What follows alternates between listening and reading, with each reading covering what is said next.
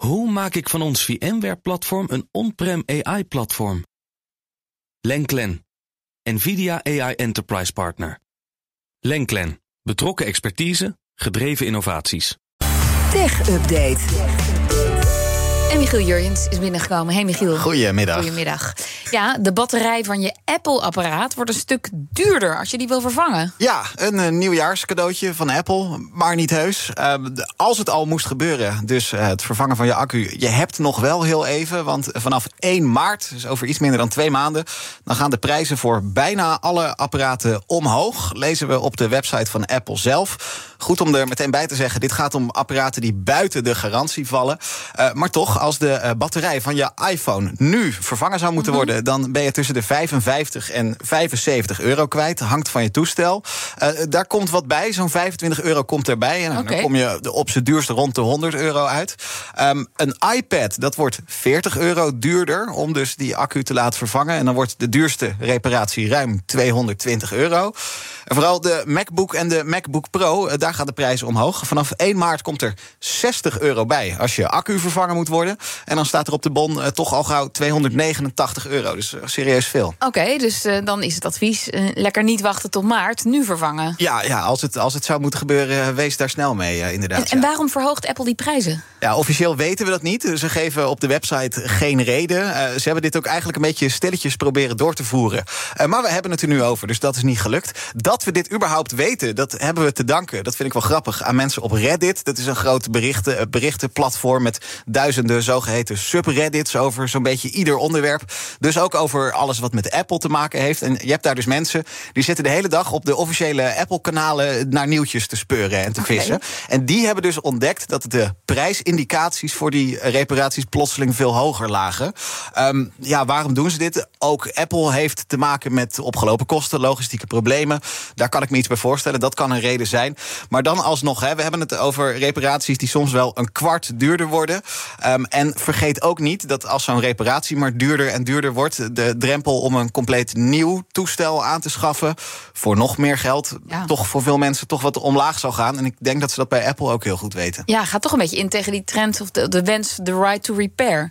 Dat alles ja. reparabel moet zijn. Ja, ja, dat zou je denken. Um, ja, Apple wil. Apple, een ander merk telefoon gaan ja. nemen. Apple wil ook heel graag MacBooks en nieuwe iPhones verkopen. Dat, uh, dat is het ook. Ja. ByteDance dan, het moederbedrijf van TikTok, heeft in China een paar honderd medewerkers ontslagen. Ja, dat is toch opvallend. Uh, vorige week is dit gebeurd op de valreep van 2022, maar vandaag is dit bekend geworden. Het gaat om honderden mensen op verschillende kantoren in China van uh, ByteDance. Het wordt gemeld door de South China Morning Post. Die heeft daar bronnen over gesproken binnen ByteDance. Uh, die krant trouwens is niet gelieerd aan de Chinese staat. De redactie zit in Hongkong. Is wel eigendom van de Alibaba Group uit China. Maakt het verhaal niet per se minder betrouwbaar, maar het is wel altijd goed om het er even bij gezegd ja. te hebben. Volgens de Morning Post gaat het vooral om mensen die voor uh, Douyin werken. Dat is zeg maar de Chinese versie van TikTok. Okay. Wij in Europa krijgen TikTok te zien, maar mensen in China die krijgen. Douyin? Uh, ja, die krijgen een hele andere app. Uh, trouwens, een beetje een zijweggetje pak ik dan. De, hier in Europa krijgen we allemaal lollige filmpjes van dansjes en dat soort dingen. In China zijn het veel meer educatieve video's die. Hoe je je stropdas moet strikken ja, en je overheen moet strijken, ja, geloof ik. Hè? Ja. ja, dus dat zijn echt hele andere filmpjes die je daar te zien krijgt. Maar, um, maar er, er, werken meer dan 100.000 mensen bij ByteDance. Ja. Dus ja, een paar honderd is dan niet heel veel, toch? Nee, klopt. Het is een, is een relatief klein aantal. En je ziet het ook wel vaker. Massa ontslagen bij techbedrijven in China. Vorig jaar nog duizenden mensen die moesten vertrekken bij Alibaba en ook bij Tencent. Um, de CEO van ByteDance, dat is uh, Liang Rubo, die heeft vorige maand ook nog maar een keer gezegd dat ByteDance gezonder zou moeten worden. Nou, dan weet je vaak wat dat betekent. uh, het gaat hoe dan ook wel een spannend jaar worden, ook voor ByteDance. Dat heeft dan weer alles te maken met dus TikTok. Overheden in de VS, maar ook in Europa, die zich daar grote zorgen over maken. We hoorden vorige week dat Amerikaanse regeringsambtenaren de app niet meer op hun telefoon ja. mogen hebben. Uh, en ja, het zou best eens kunnen dat dat de eerste stap van velen is uh, tegen TikTok en dus ook tegen ByteDance.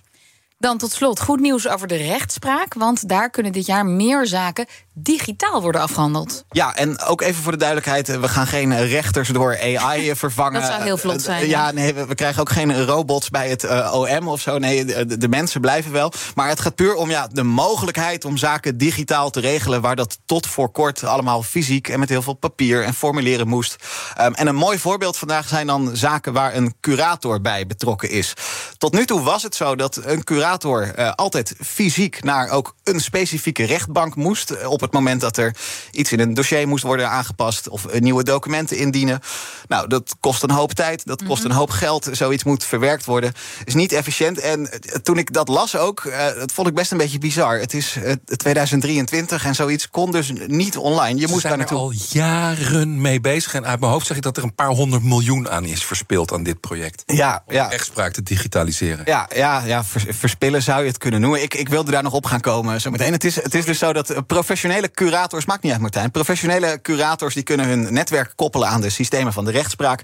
Maar ook particuliere curators, dus mensen die zaken voor vrienden of familie regelen, die kunnen vanaf nu in een webportaal terecht. En nogmaals, dat is niet verplicht allemaal, maar het kan wel een rit naar de rechtbank en ook die hele papierwinkel kan het schelen. Dat, dat, Verbaast dat is mij ook zo. hoor, dat je je belasting wel allemaal digitaal Ja. kunt doen. Ook heel vertrouwelijke informatie, maar dit eh kon Ja. nog niet dus. Ja, En en- rechtbanken kampen met grote achterstanden en personeelstekorten. Ja, zit dit zo'n klein onderdeeltje dat dan nu gedigitaliseerd is, zet dat zo aan de dijk? Nee, ja, kijk, een, een webportaal voor particuliere curators zal niet alles oplossen. Natuurlijk niet. Maar ja, het is wel echt belangrijk dat dit soort processen makkelijker worden gemaakt. En eh, jij noemde het al, Martijn, er wordt ook op ingezet. Er is structureel 155 miljoen extra voor die digitalisering van de rechtspraak.